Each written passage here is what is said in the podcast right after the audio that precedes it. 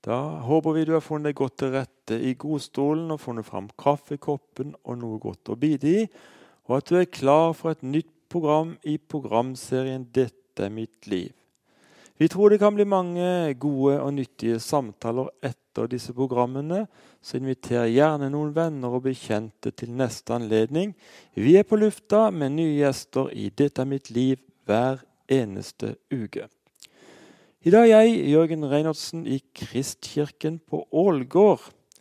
Ålgård er administrasjonssenteret i Gjesdal kommune på Jæren i Rogaland. og Ålgård er kanskje mest kjent for Kongeparken, som ligger i umiddelbar nærhet her. Dette er i Kongsgata. Eh, dagens aktuelle gjest er Tom Børge Frøvik. Velkommen som gjest i 'Dette er mitt liv'. Tusen takk. Du er jo evangelist i Open Air Campaigns, og du er rektor i en ganske sånn nystarta skole her på Jæren. Dette skal vi få høre mer om etter hvert, men kan ikke du bare starte med å begynne å fortelle om hvor du ble født og opp, vokst opp. Ja, jeg eh, er født og oppvokst. Jeg er iallfall det jeg kan huske fra. Så er det Klepp på Jæren, eh, der jeg er Der mor og far bor den dag i dag.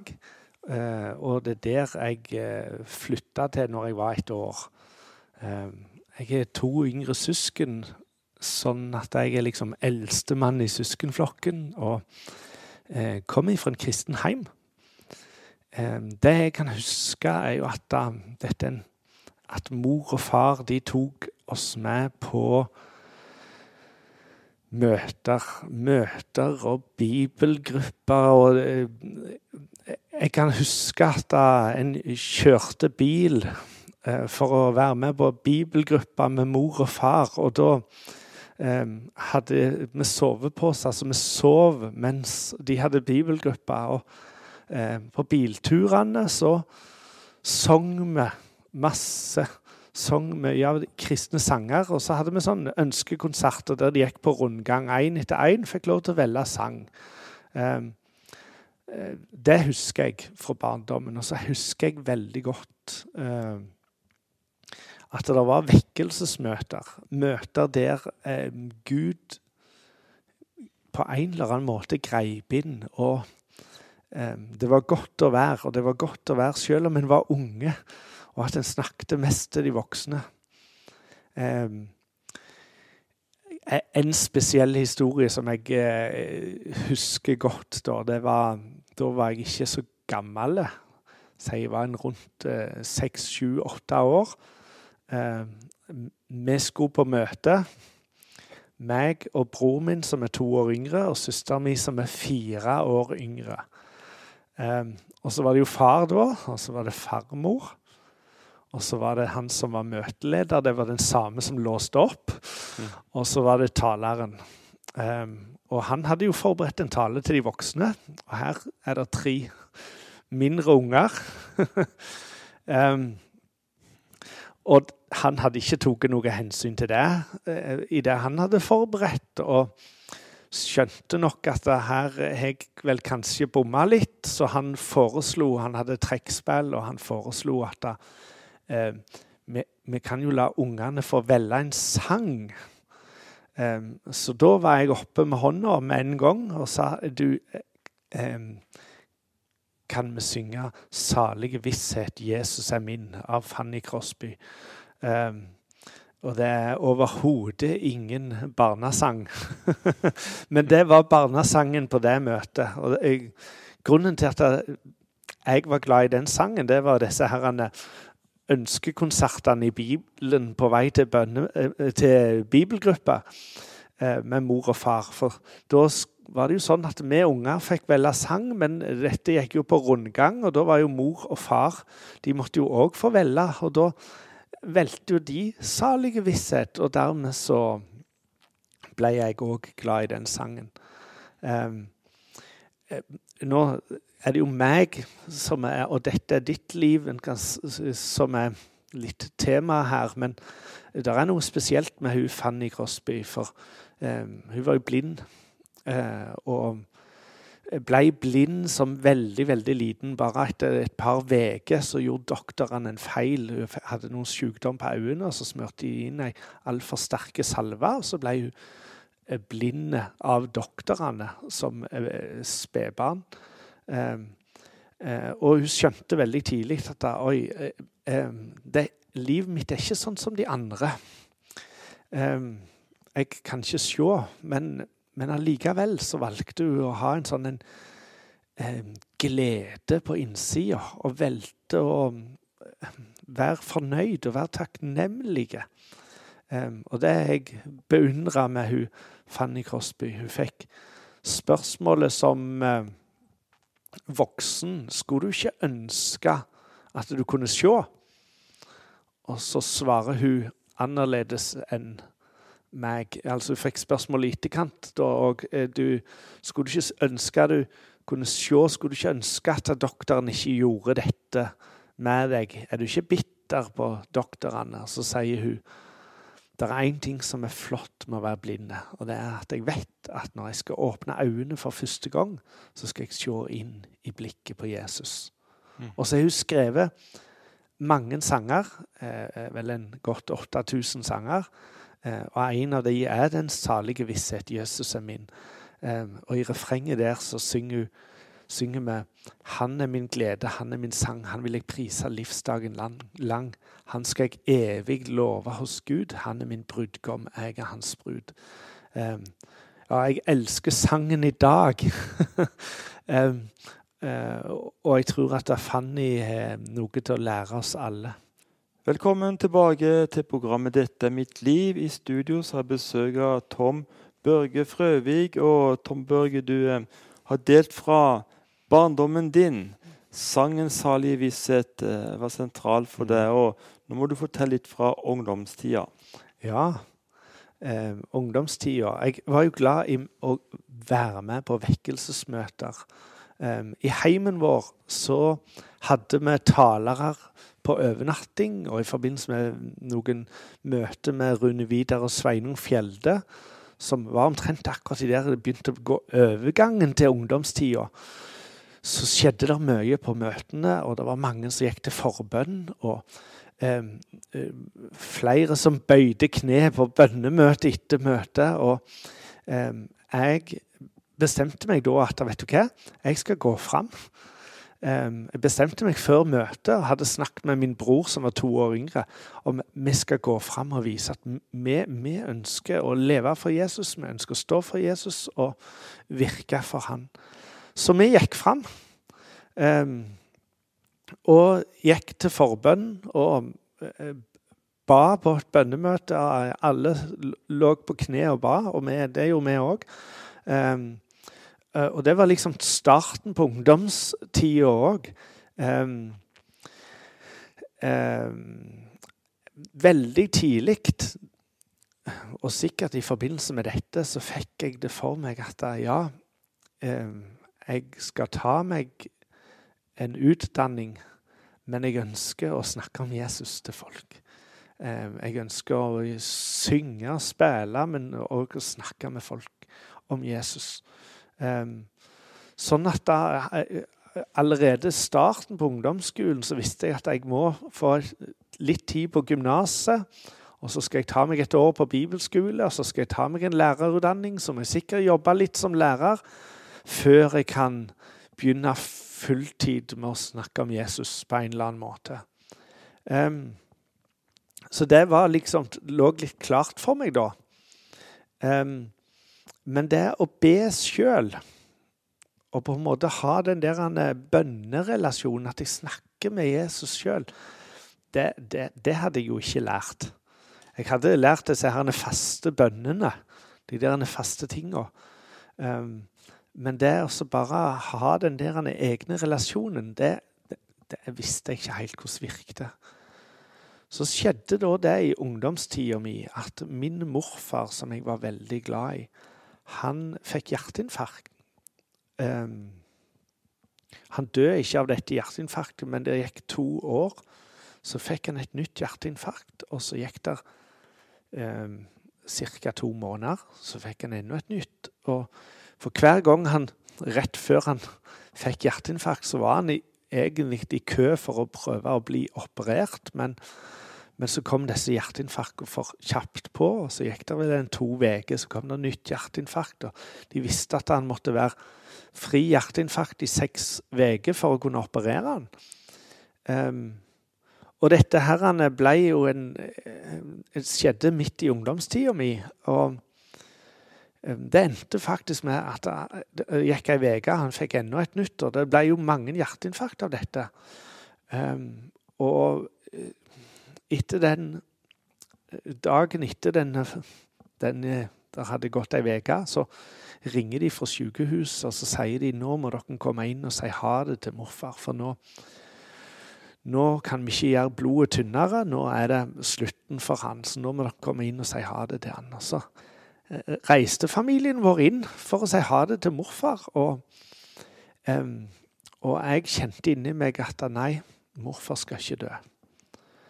Um, jeg fikk det veldig klart for meg at han ikke skal dø. Um, så vi kom inn, jeg tok ha det, sa ha det til han, og det gjorde søsknene mine òg. Og så ble vi sendt hjem igjen. Og mens søsknene mine satte seg ned i kjelleren for å spille litt ja, tidlig dataspill, det som heter Commodore 64, som var veldig proft da, um, så la jeg meg på en sofa oppe og så begynte jeg å snakke med Gud, og det hadde jeg aldri gjort før.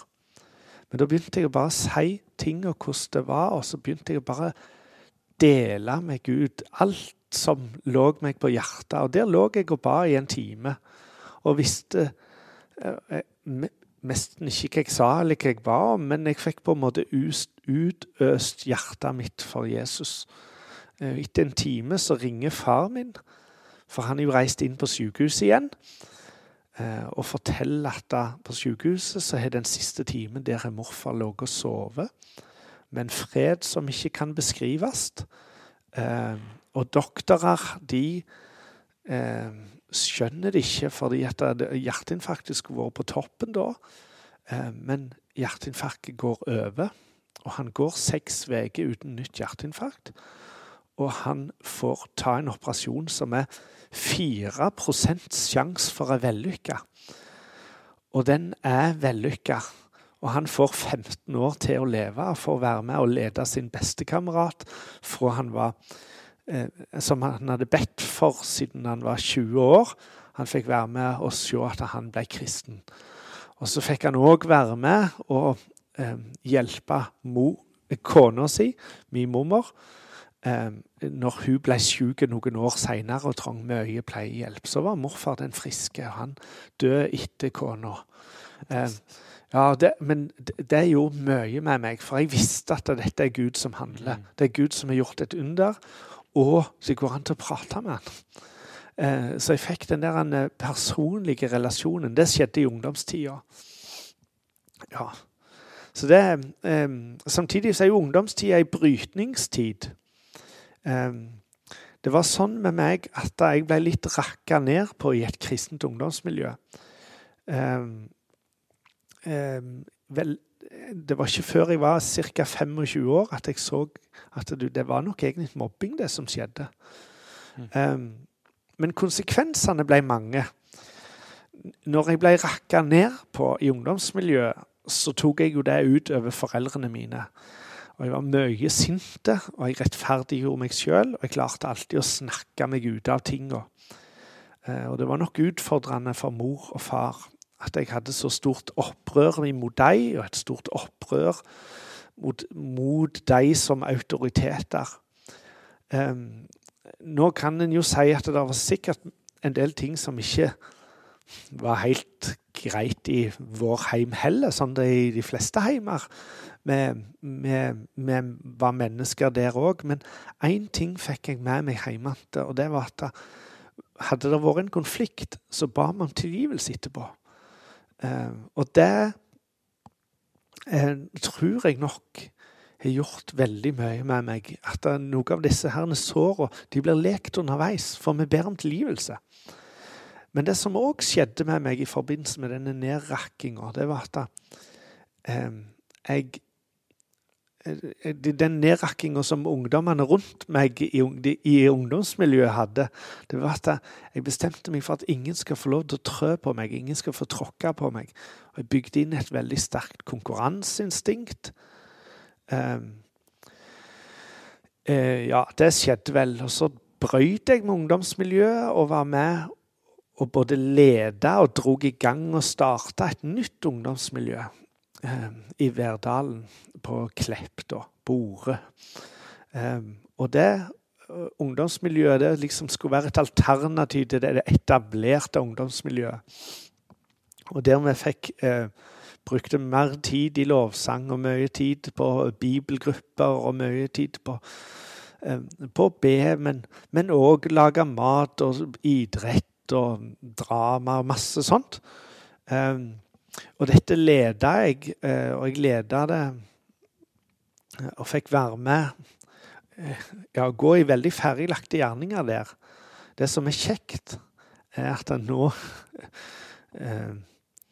Vel en over 20 år seinere så er jeg blitt invitert til å komme der. Mm. og da er det dette ungdomsarbeidet som er det som blir drevet i dag. Det andre ungdomsarbeidet det er rast i sammen. Men, men i hele ungdomstida mi da, eh, når jeg bodde hjemme eh, Etter dette som skjedde med morfar, så begynte jeg å gå turer og be. Eh, og opplevde at Gud bar, bar meg når, når, jeg var leder eh, i ungdomsarbeidet. Mm, så flytta jeg hjem og til bibelskolen i Grimstad.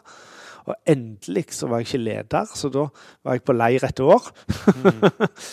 Men jeg fikk lov til å, til å få bearbeide sinnet mitt. Og så lærte jeg òg å spille mer piano og spille ut følelsene mine. Så ble jeg glad i liturgien i Den norske kirka. Veldig glad i den. Så kom jeg vet du, til ferdig med bibelskolen i Grimstad. Skulle begynne å studere til å bli lærer og ta kristendom. Og så sier foreldrene mine at du, vi skal starte menighet på Ålgård. Kristkirken Ålgård. Og jeg var den største motstanderen de hadde. Jeg var kritiske. Um, og, og, jeg utfordra dem på hvorfor i alle dager engasjerer dere noen ikke lokalt? Hvorfor reiser dere til Ålgård?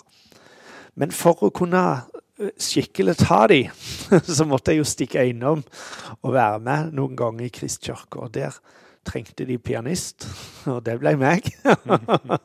og så opplevde jeg at det var mye folk. Og så opplevde jeg at vet du hva, her eh, var det godt å være, og her trivs jeg godt. Så, så det var um, Så en del av studietida så studerte jeg til lærer mens jeg jobbet som miljøarbeider på Solborg folkehøgskole. Og så, når jeg slutta på Solborg folkehøgskole, så, så sier de lokale menigheten på Kjensvoll eh, Hvis du kan gjøre det samme som du gjør nå i menigheten som du gjorde når du var miljøarbeider, så skal vi ordne med gratis plass å bo. Og dette ordnet seg ikke. Så jeg måtte litt flytte hjem, for de fant ikke plass å bo. Så jeg sykla fra Klepper til Stavanger. Dag etter dag så sykla jeg inn. Så, men så skulle jeg jo være ungdomsarbeider her, og så måtte jeg si til de i menigheten du, jeg kan, Enten så må jeg pakke opp tingene mine hjemme, eller så må det ordne seg at dere finner en plass å bo. Og så sa jeg den datoen, den klokkeslettet der, hvis de ikke ordner det da, da, må, da pakker jeg ut hjemme. Det som skjedde, var det utrolige at jeg kom den dagen, og så har det til folka i menigheten, og så sier han presten som jeg jobbet sammen med, at du Jeg vet ikke om det er fra Gud, dette, men jeg tenkte det er den som gir seg nå en dritt.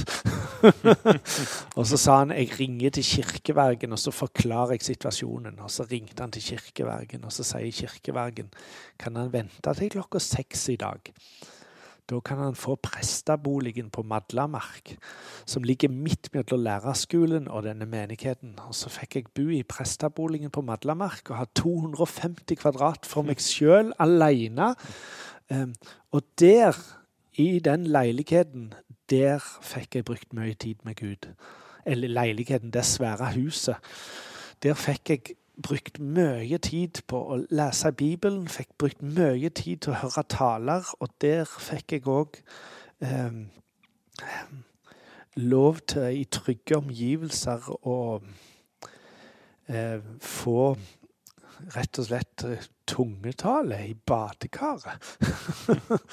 um, noe helt nytt og fremmed. Men, men det var um, mens jeg ba.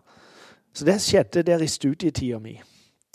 Så i, i sommerferiene så fikk jeg to sommerferier der jeg eh, var på en campingplass på Lydhusstranda og fikk være med med noe evangeliseringsarbeid og familiearbeid. Det ble veldig kjekt. Eh, siste året så eh, var det ei veldig kjekk i teamet der. Hun bodde forresten òg på Ålgård, og hun hadde veldig øynene på han Tom Børge. Jeg hadde ikke så øynene på henne da. Um, ikke i det hele tatt. Men vi ble litt uh, ungdomsarbeidere i Kristkirka når jeg var ferdig utdanna lærer. Um, eller ja, slutten av studietida.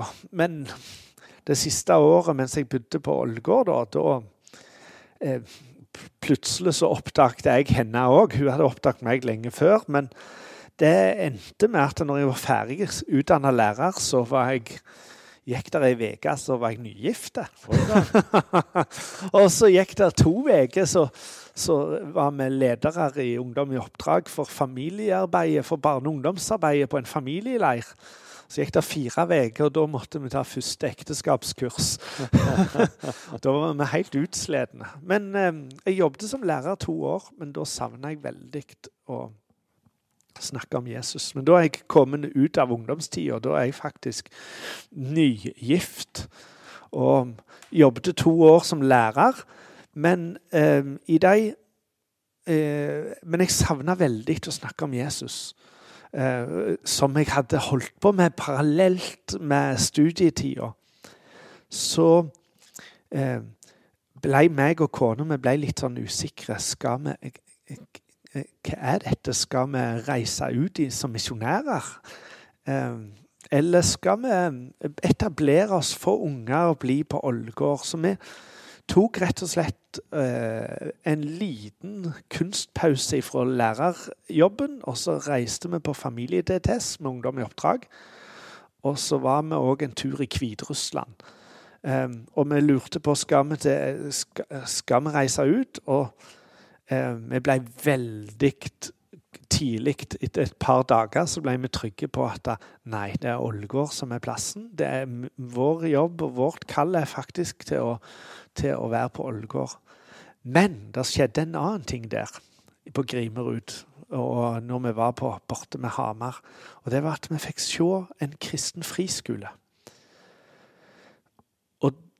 da, begge to er jo lærere. så når, Det var i 99, så da sa vi til hverandre at en dag så skal vi starte kristen skole på Ålgård.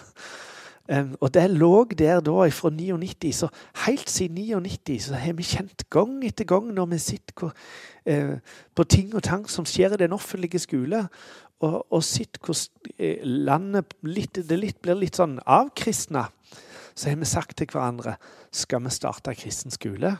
Er det nå vi skal gjøre det? Og så har vi sagt til hverandre nei, det er ikke nå, for hvis vi gjør det nå, så står vi helt, helt alene. Velkommen tilbake til programmet 'Dette er mitt liv'. Jeg har besøk av han Tom Børge Frøvik, som er evangelist. Hvordan fikk du det, Kalle? Ja, eh, jeg jobbet jo som lærer. Og så savna jeg veldig å snakke om Jesus. Eh, så begynte jeg med eh, Jeg slutta som lærer og begynte å jobbe med barne- og ungdomsarbeid. Og trives veldig godt med å jobbe med barn og ungdom, men å gi dem evangeliet. Um, og familier, og gi dem evangeliet. Jeg, eh, det som skjedde, var at jeg fikk en del år med barne- og ungdomsarbeid i eh, Knytta til en misjonsorganisasjon som heter NMS. Og så ble det at jeg ble mer og mer engasjert i lokalmenigheten her i Kristkirke Ålgård. Og eh, og med barne-, ungdoms- og familiearbeid. Og så ble det med i eldsteråd. Ble på en måte en del av Jeg ble den eneste ansatte her i menigheten. Um, og da um, hadde jeg jo fulgt opp dagen min og timene mine, og alle vennene mine var kristne. Og så uh, alt av Ja, så, sånn stort sett så har det liksom Hvis du går bakover i livet mitt og ser, så vil en se at da, Tom Børge, du har ikke hatt mange ikke-kristne rundt deg. Du har som regel bare gjemt deg innenfor de kristne rekkene og innenfor menighetslokalene. Men så var det en i menigheten som spurte Tom Børge kan du bli med ut på gata og se hva som skjer med evangelisering.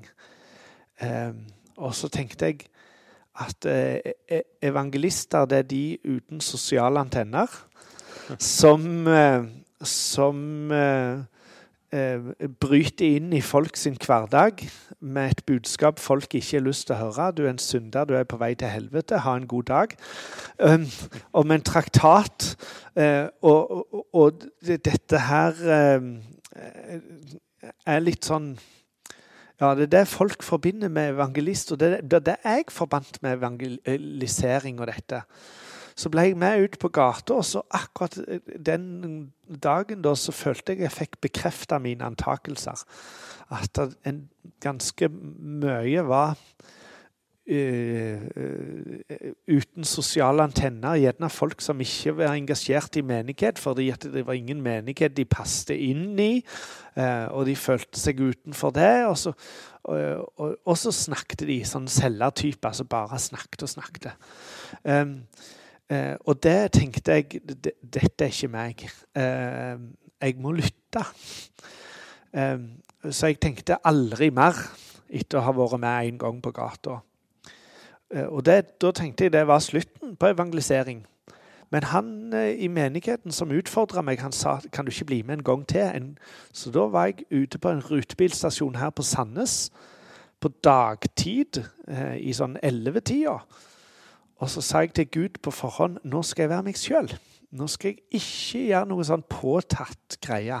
Jeg kan ha en bibel i lomma, og jeg skal be. Og hvis du, Gud, kan bruke meg, så kan du bruke meg. Jeg skal iallfall være tilgjengelig. Jeg skal iallfall stille opp. Og det var det jeg gjorde. Jeg stilte opp. Og så sto jeg der med en bibel i lomma, og så ba jeg. Og så kommer det ei dame bort på 78 år, og så sier hun jeg eh, eh, er du kristen? Jeg eh, kjenner ikke Jesus. Kan du hjelpe meg?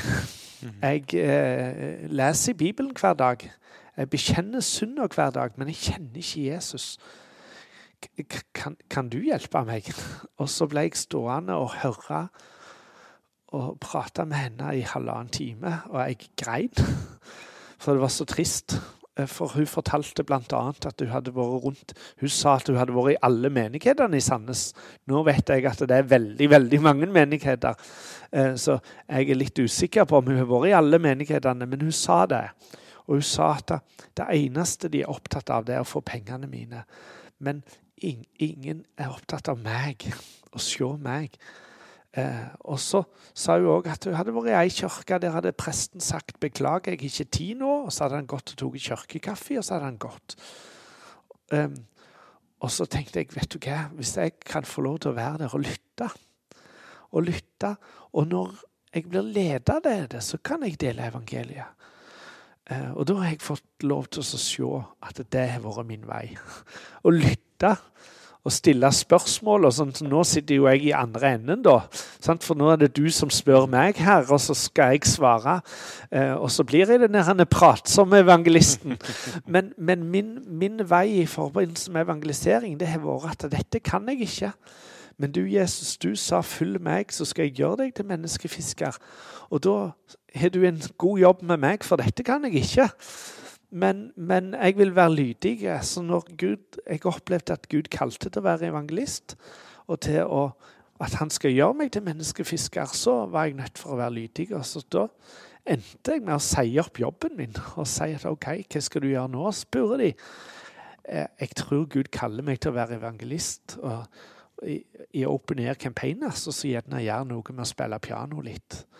Så da har jeg spilt noe piano, litt eh, for Ålgård bedehus. Vært litt lønna av dem til å spille piano, og så har de lønna meg litt en stund òg for å evangelisere blant ungdommene. Så jeg gjorde det i tre år, men kallet lå til å på en måte dele evangeliet med Open Air Campaigners. Hva er det?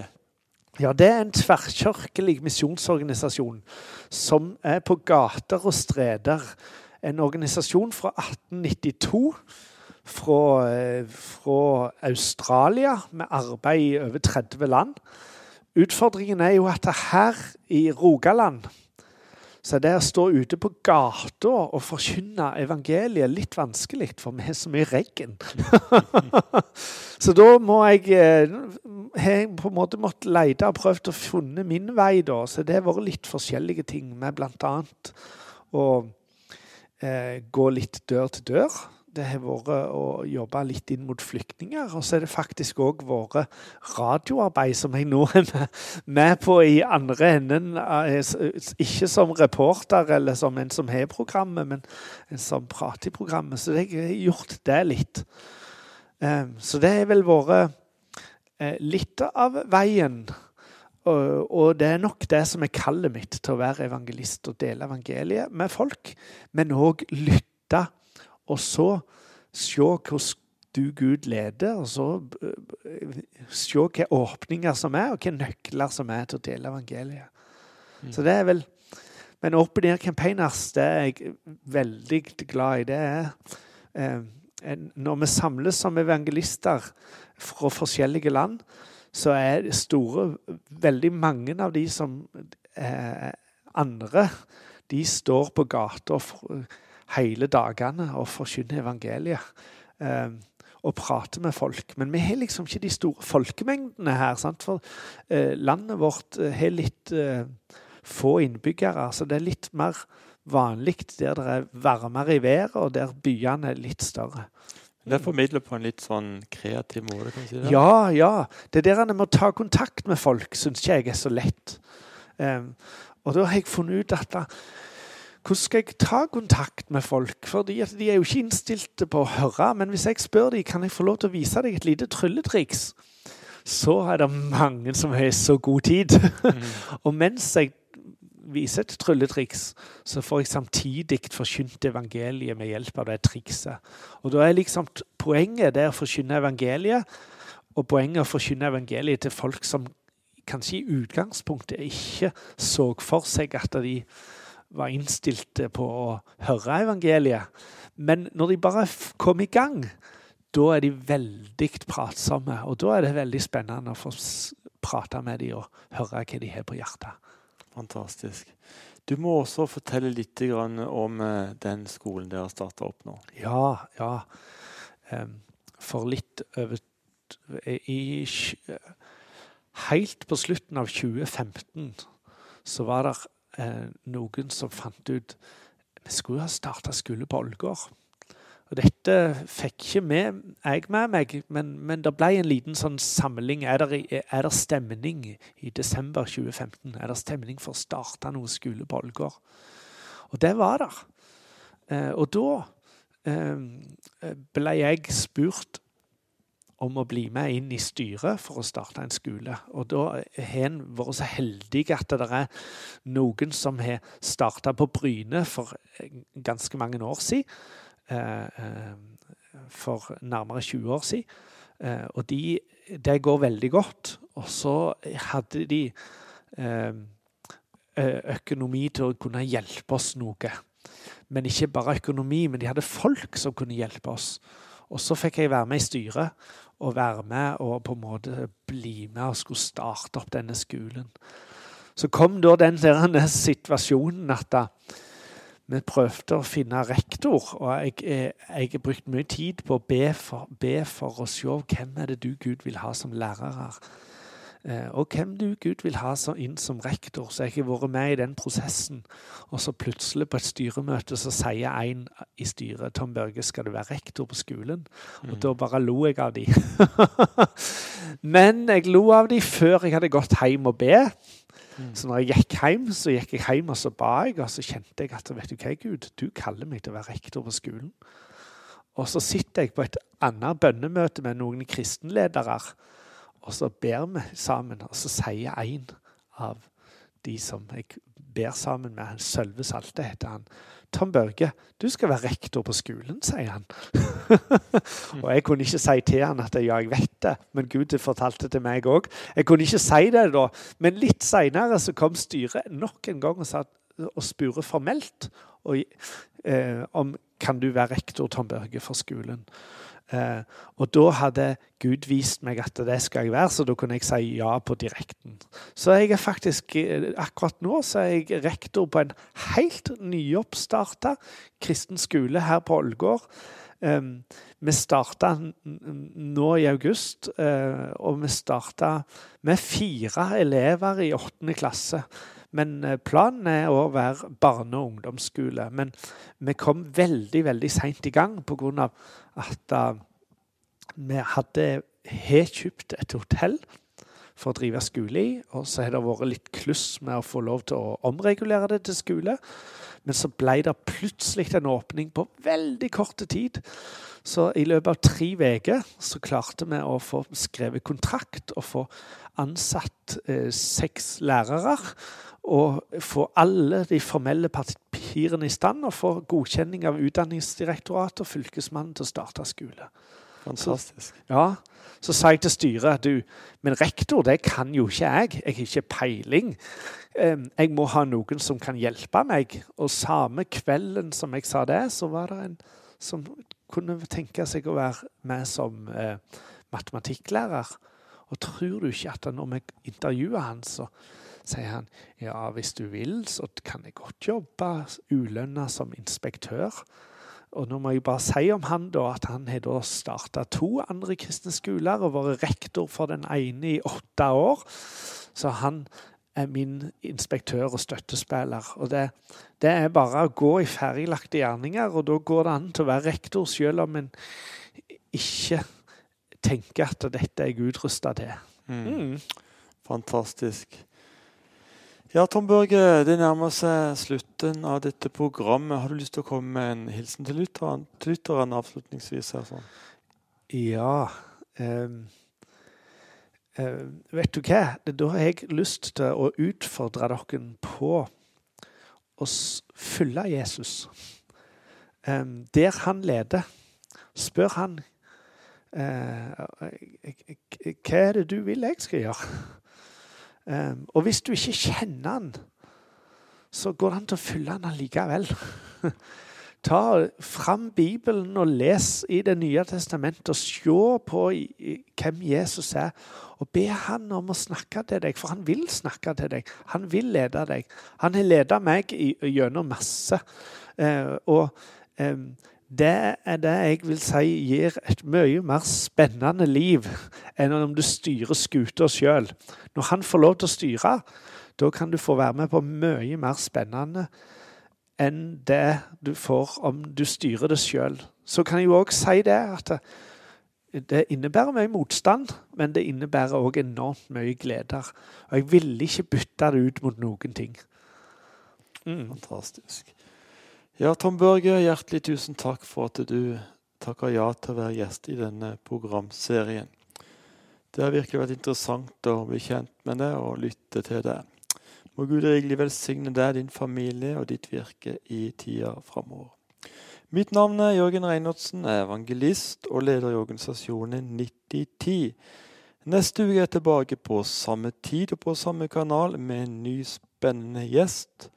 Om du skulle ønske å lytte til noen tidligere innspilte programmer, kan du gå inn på vår hjemmeside 9010.no dette skrives nitti10.no.